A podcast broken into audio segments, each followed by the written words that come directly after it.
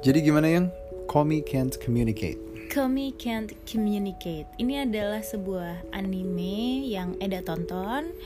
Terus gue jadi ikutan nonton, gue masuk di episode tengah-tengah gitu kan. Bener nggak sih? Iya. Aku masuknya di episode kesekian, terus langsung hook dan akhirnya finish. Komi-san, Komi-san. Halo, nama gue Eda. Dan gue Twinda. Kami adalah host dari podcast tentang nada. Sekarang ini kami lagi bekerja sama dengan Anchor, apps yang kami gunakan untuk membuat dan publish show kami ini untuk ngasih tahu kamu kalau ternyata membuat podcast itu gampang banget dan 100% gratis. Betul, selain gampang banget digunain, semuanya yang kita perlu untuk bikin podcast juga udah ada di dalam Anchor. Termasuk untuk distribusi ke Spotify dan platform podcast lainnya. Langsung aja download aplikasi Anchor dan bikin podcast kamu. Now. Balik Go. lagi ke Komi, Sang. Kenapa kamu mau nonton Komi? Aku tuh kalau tiap kali search di Netflix terus ngelihat anime-anime yang beredar Mm-mm. ada Attack on Titan, ada Demon Slayer, ada Spy Family dulu waktu itu. Ini orang-orang lagi pada nonton ini ya kayaknya. Aku be like Cabut ah. Eda, sang anti ke mainstreaman. asli. Jadi terus aku ngeliat kan eh, pokoknya aku mulai mengawali anime 2022 ini itu di pertengahan pertengahan tahun nonton pertama kali adalah Kotaro Lives Alone. Iya. gitu setelah sekian lama hiatus dari dunia anime terakhir nonton Attack on Titan yang banyak banget itu dan gue nggak tahu endingnya gue di mana season 1 atau 2 atau 3 jadi gue kayak ya nyerah deh udah deh gue Boam gitu. gue lupa terakhir nontonnya di mana terus ya udah akhirnya tahun ini eh, nonton Kotaro Lives Alone yang kalau di Netflix itu adalah uh, one of the recommended animes dari Netflix ya langsung. Kan jadi ada beberapa anime yang memang anime yang bukan produced by Netflix, ada anime yang produced by Netflix. Itu bisa diketahui dengan uh, ada logo Netflixnya di atas kiri gitu. Nah setelah Kotaro Lives Alone kelar, oh bagus juga nih Kotaro nih. Gue nyari lagi yang mirip-mirip kayak gitu. Nah muncullah Komi Can't Communicate ini. Aku ngeliat judulnya itu udah super tertarik. Kenapa nih dia nggak bisa ngomong gitu kan? Relate dong sama aku yang juga sebenarnya dalam hidupku Kehidupan yang nyata. asli itu males banget ngomong asli di rumah gue kayak 200% diem kali. Iya. Makanya aku cici cuit, cici cuit, cici cuit kalau di rumah.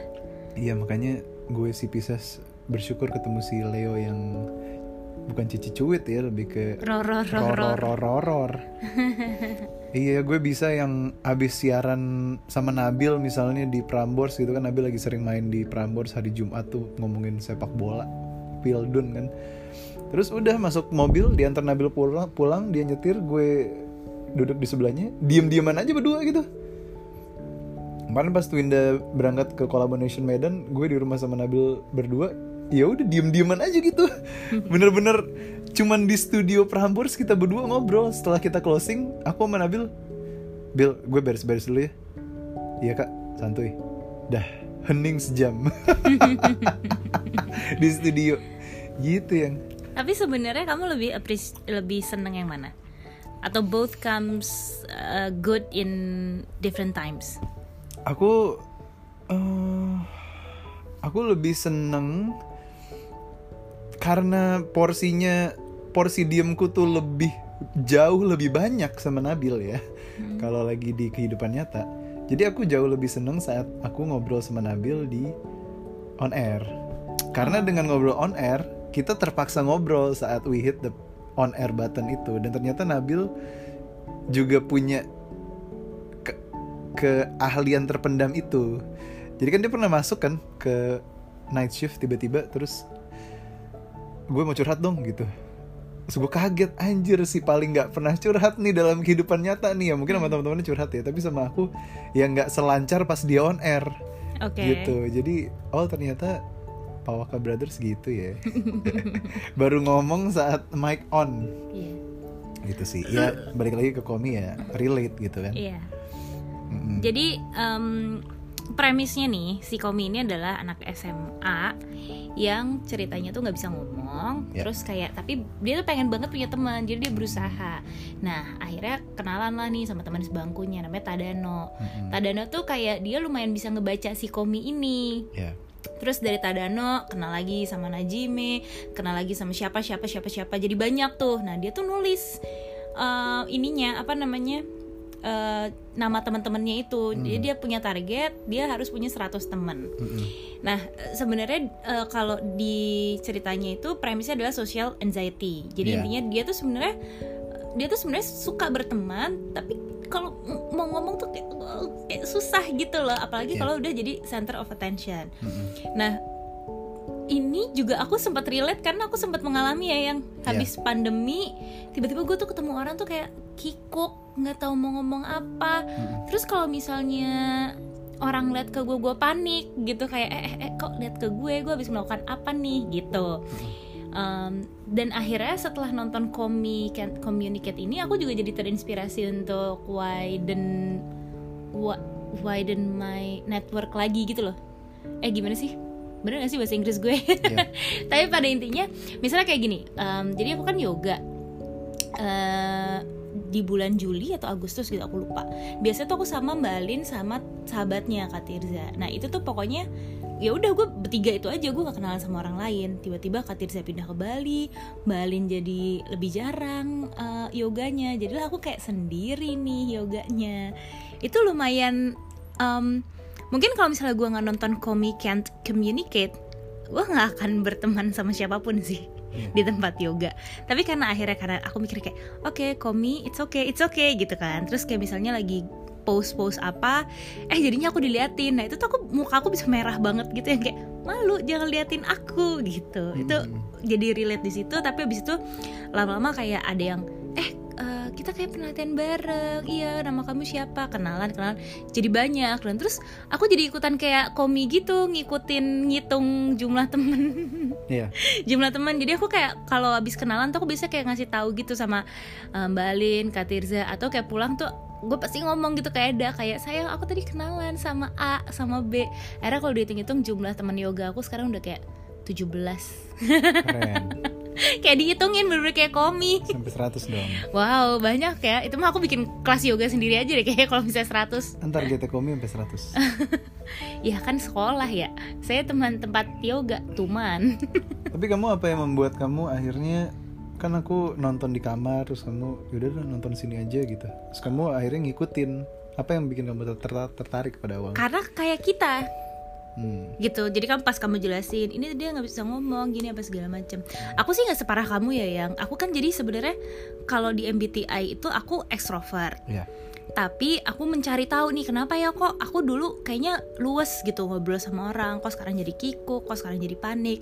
Ternyata ada istilah namanya social atrophy di mana kemampuan eh, bersosialisasi aku itu menurun akibat pandemi kurang ketemu orang kurang dilatih sehingga jadinya kikuk. Dan itu yang bikin aku makin panik panik panik. Kalau misalnya aduh gue harus ngomong apa nih? New people aduh awkward nih awkward gitu. Ditambah kan aku kayaknya sempat ada yang kayak enam bulan mengurung diri di rumah ya nggak sih? Ya. pas pandemi tuh gue bener enam bulan gak keluar rumah Eda yang masih kerja masih pulang pergi.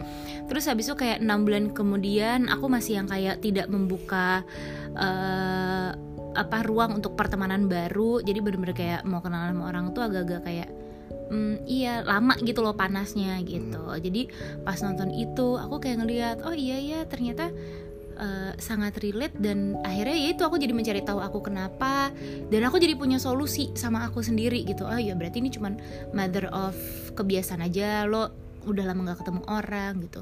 Ada momennya Eda yang introvert gue yang pas pulang habis ketemu orang gue tidur 18 jam ada kali sampai besoknya.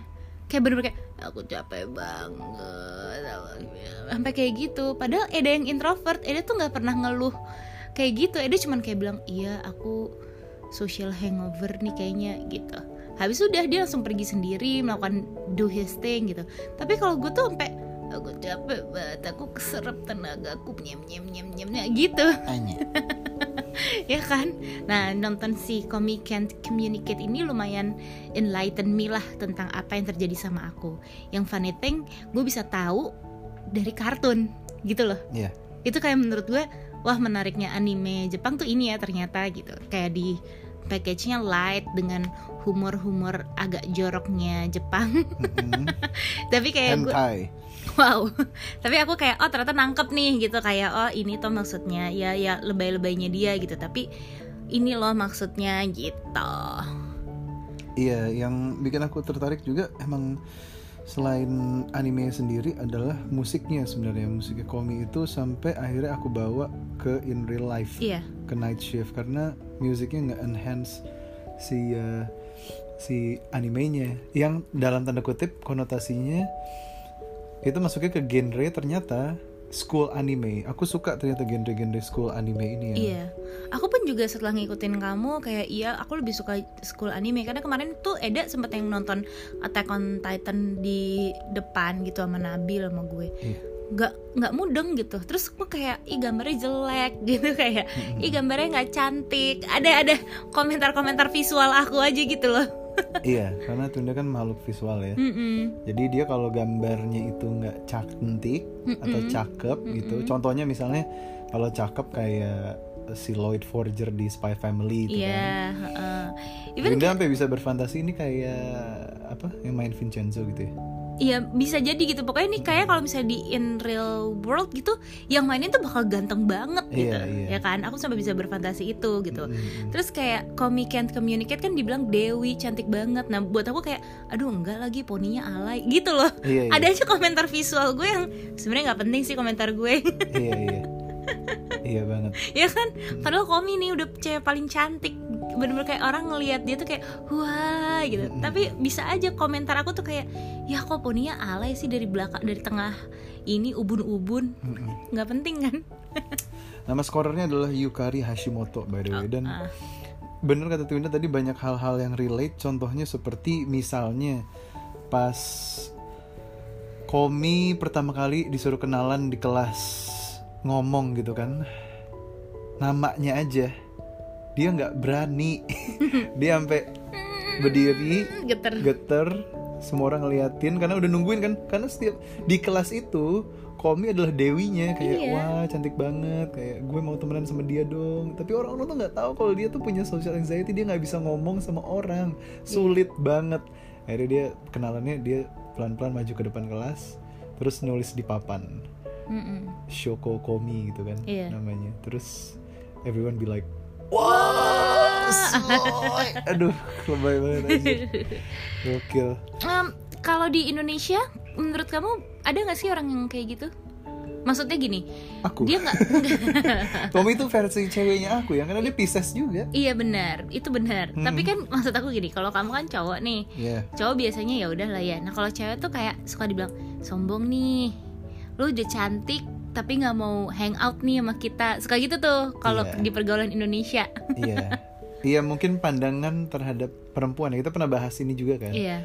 Maksudnya kalau cowok lo diem-diem cuek dibilangnya apatis cool. kayak ya kayak Rangga ada dengan cinta gitu kan. Iya iya. Keren nih orang padahal ngeghostingin si cinta 10 tahun anjir. Iya, iya, pas nonton iya. film kedua tetap aja Mas Rangga anjir orang tetap cinta gitu. Iya. Orang dia ngilang iya iya banget Nah itu cowok. Nah Iya. kalau cewek ya mungkin gimana ya karena ya mungkin kayak ajaran mome juga ya. Iya. Ah, Yang mome turunin ke kamu kan kalau jadi cewek tuh harus menjadi harus harus bisa speak up dan menjadi moderator bagi siapa pun yang ada di Sekitar. round table misalnya Iya, gitu kan.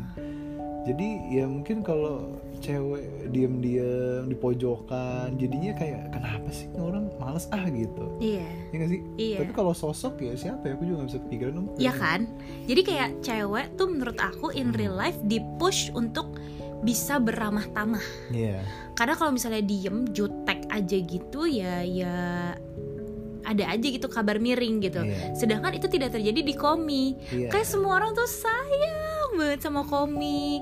Ya udah kayak menganggapnya ya dia emang ngomongnya irit aja. Emang dia dewi. Jadi dia menyimpan semua tenaga cantiknya dia Iya. gitu. Iya. Eh, Iya benar benar banyak hal yang bisa relate dan yang menariknya adalah kalau kita trace back timelinenya, Mm-mm. Jadi aku belajar juga kalau oh dari SD ke SMP, dari SMP ke SMA tuh turning point in life ya. Iya. Jadi Komi diceritain waktu SMP, justru dia adalah dia dilihat sebagai cewek yang aneh. Ini orang kok jutek banget sih, Nah. diem nggak punya temen apa apa apa gitu kan? Iya Itu kan? pas SMP. Pas SMP dia begitu. Ternyata dia sudah memendam ke apa ya ke trauma itu hingga menjadi social anxiety. Nah pas masuk hari pertama SMA, ya ibaratnya Komi udah in bloom nih dan masuk ke sekolah baru kan? Iya.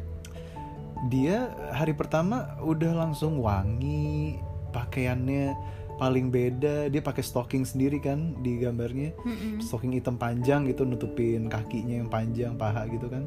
Terus matanya gede tapi mulutnya kecil rambutnya juga selalu rapi panjang terurai gitu kan jadi orang-orang langsung wah Wow. siapa nih gue pengen kenalan dong sama dia gitu Hmm. hari pertama sudah menimbulkan efek itu pas di Iya. SMA nah uh, little that we know ternyata Komi nggak bisa ngomong ke orang Iya. gitu itulah kekurangannya Mm-mm. Nah makanya SMA menjadi turning point dia untuk memiliki misi kalau gue pengen punya 100 temen. Iya. Nah itu yang menarik tuh. Jadi di setiap episode dari satu sampai akhir dia ngechecklistin oh hari ini dapat temen ini, hari ini kenalan sama ini, hari ini kenalan sama ini gitu. Iya kan? Itu kocak banget sih. kocak dan em, aku juga pengen ngasih spotlight ke Tadano juga sih. Iya. Menurut aku Tadano Ini tuh lawan main cowoknya. ini ya. lawan main cowoknya. Dia jadi temen se- sebelah bangkunya Komi Iya. gitu di mana Libra kayak dia si Tadano. Heeh, di mana kayak semua orang tuh sebel banget gitu sama posisinya Tadano. Kayaknya mestinya gue di situ gitu. Pada iri lah intinya sama si Tadano. Em, ini cukup ng- ngelihat kayak kalau misalnya lo perhatiin gitu ya, lo bayangin ya Komi itu Eda, Tadano tuh Mario, si Libra. Oh. ya Iya, kan? iya, iya, bener kan? Si Libra gitu ya. Orang ngomong tuh lewat Mario disaring nanti ke Eda. Dulu kan dulu kan apa ya? Bukan birokrasi ya. Apa sih cara mainnya kayak gitu kan? Iya. orang tuh ngomong kayak Mar Eda tuh begini begini begini gak sih? Nanti Mario kayak oh iya ya gini gini gini nih gitu.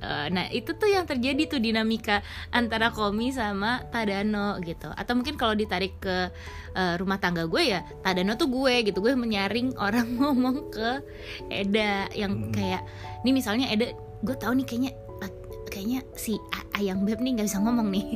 Kayak hmm, dia sebenarnya sudah gelisah dia ingin pulang tapi dia tidak bisa berbicara gitu kan. Nah aku tuh kayak harus lebih pinter untuk membaca kamu untuk kayak oke kita pulang sekarang. Thank you ya guys sudah undang gitu. Iya. itu lumayan nambah bikin aku merasa relate lagi sama si um, Comic Cannot Communicate ini. Iya, si Tadano tuh pinter membaca ruangan. iya dia pinter banget membaca ruangan. Dan ada beberapa episode di Komi yang contohnya pas Komi field trip ya itu ada dua episode aku ingat part 1 part 2 itu aku ngerasain banget lagi pas field trip. Beneran kantor ke Dufan anjir. Beneran field trip kantor ke Dufan tuh gue Iya. yang kayak sampai produser Sharon aja bilang dah lu ngobrol berapa lama sama Wadebala di bis dah Eh, lima menit oh iya dah gitu ya. Oke selamat ya Mbak Sharon karena aku tipe yang ya begitu duduk earphone. Gitu duduk earphone atau tidur. Dan Iya. tidur duduknya sendiri. Iya. Terus orang-orang yang pada kayak aduh mau Aduh. duduk sebelah Eda tapi sungkan.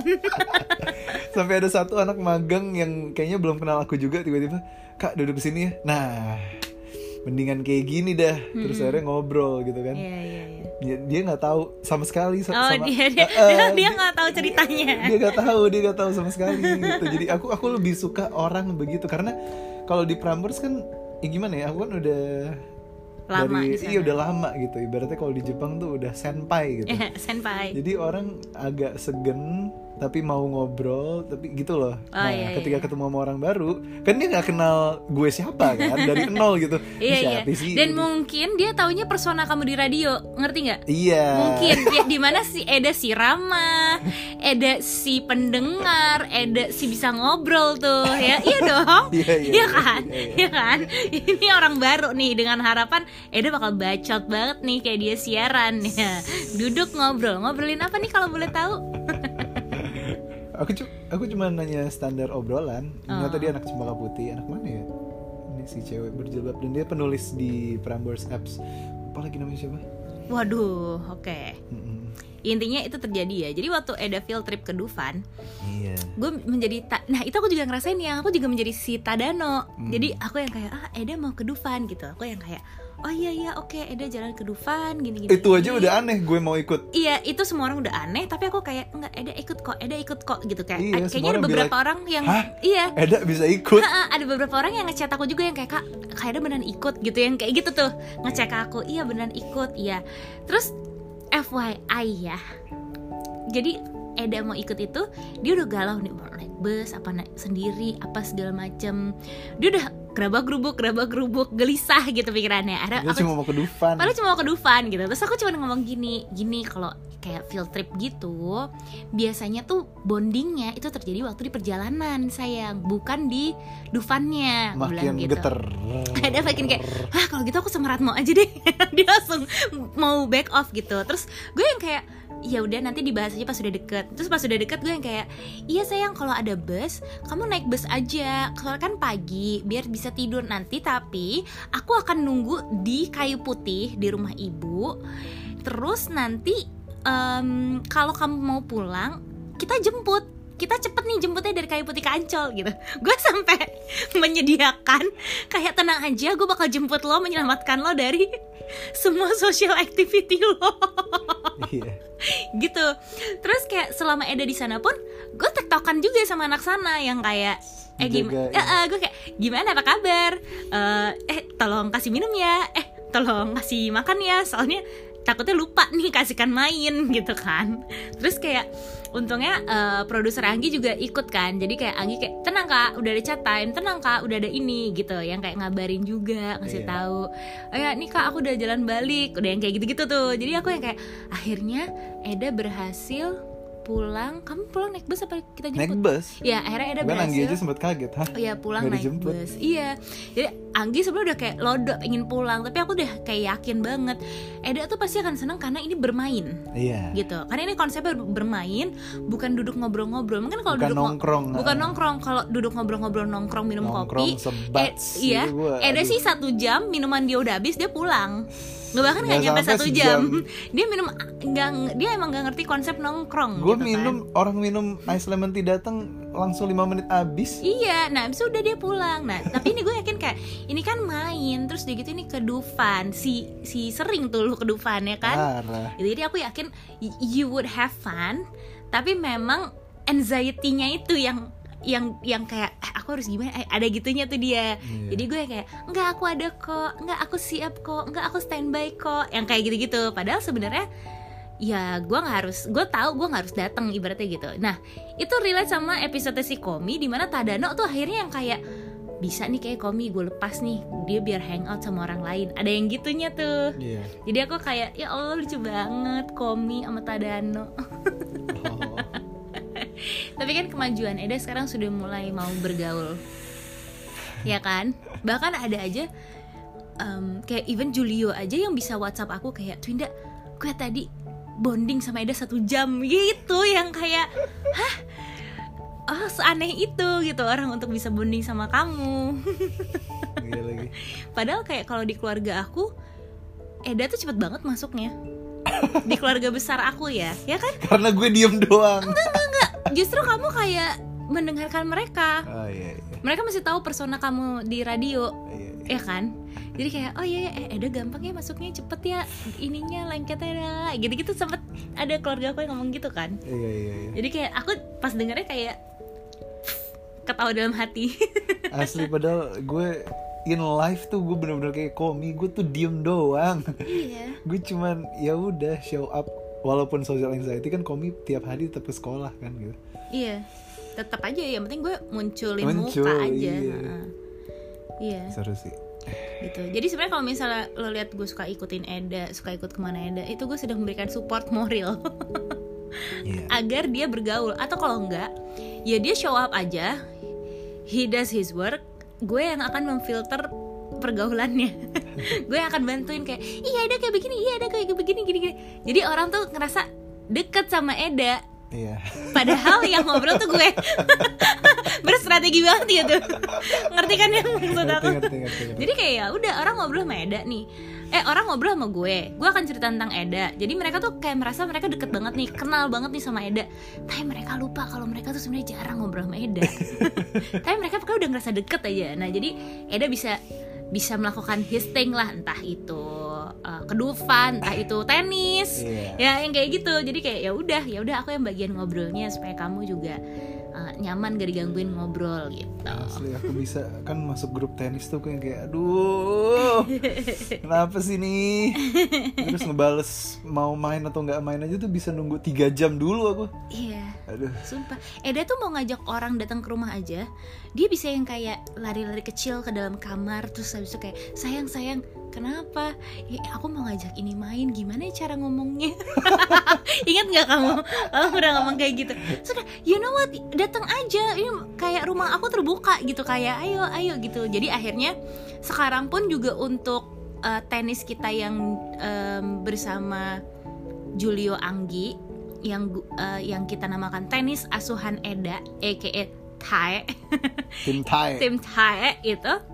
Akhirnya ibaratnya kita tuh nggak bikin grup padahal kita rutin gitu ya. Tiap minggu tuh ada tenis. Kita nggak bikin grup karena kita tahu Eda pasti terganggu dengan grup. Yang kedua akhirnya aku yang menjadi mimin. Kayak Hai guys confirm ya. Salah satu tuh gue chatin tiap minggu Hai guys gini gini gini. Karena gue tahu Eda nggak mau. Eda nggak mau bikin grup bodoh gitu kata dia. Yang penting kan datang yang penting show up gitu dia ya itulah banyak hal yang bisa aku pelajari dari Komi. Selain eh, episode field trip banyak banget episode seru. Kayak misalnya hari-hari besar Jepang di mana sekolah-sekolah bikin festival masing-masing. Terus ada apa kayak eh, urban legend kalau di Jepang tuh lo bisa menyatakan perasaan lo di lapangan sendiri teriak gitu kan. Itu seru-seru tuh. Terus eh, kisah percintaan Komita dan lo juga lucu karena gimana lo mau PDKT sama orang yang nggak pernah ngomong gitu kan itu kocak banget sih gue menanti season 2 kalau ada eh bukan di season 2 ada yang belum oh iya season 3 pokoknya uh, season selanjutnya Nih, soalnya ini aku udah search nih. Komi Can Communicate Season 3 release date have not been officially announced. Mm-mm. expected Gitu. Tapi release expected release 2024 2024. gue look forward sih Ya, gua- jadi aku jadi ini deh em, tertarik nih sama animesenpai.net. iya bagus Bagus tuh. And to close this uh, session gue akan bacain dialog yang consistently dibuka dan dibacain di setiap episode Comic and Communicate tentang uh, social, Social anxiety. Jadi when a person has extreme social anxiety, they struggle to communicate with others. Bear in mind they only struggle to form connection. It doesn't mean that they don't want to. Meaning, ketika seseorang itu mengalami social anxiety yang akut, mereka itu sebenarnya struggling, uh, sulit dan men- dan ingin mencoba untuk berkomunikasi dengan teman-temannya. Uh, dan please note in mind kalau mereka itu sebenarnya struggling untuk membentuk sebuah koneksi antara sama manusia. Tapi itu bukan berarti mereka tidak mau. Jadi mereka sebenarnya mau, tapi mereka nggak tahu caranya gimana gitu. Oh gitu. Oke, sudahi kalau begitu. Terima kasih sudah mendengarkan em, podcast tentang nada. Itu nada gue naik harusnya lu masuk situ. Oke, lagi ngeliatin jerawat. Kenapa? Oh, ini filternya bikin merah. Jadi gue sambil bikin filter gitu ceritanya. Maksud hati biar teaser karena kan udah lama nggak upload. social anxiety ah. ya udah diulang deh. Gak apa-apa. Ya Udah di, di-skip. di discard. Bagus. Bagus. Ya udah. Ya udah ini udahan dulu uh, podcastnya. Terima kasih sudah mendengarkan. Kita mau ngepasin ke 30.00 nggak? Oke. Oke nggak? Keren nggak tuh ide gue? Tapi kasihan jangan dianggurin. Kas- Kamu punya waktu 20 second untuk ngomong. Ayo, Ini komi. rekam belum sih? Belum. Oke. Ayo komi, 20 second, 10 second. Komi. Ya, sosialisasinya kambuh. Geter. ya pokoknya me for life lah. Si Pisces. Pisces. Yo. Love. Tiga, dua, satu. Dadah.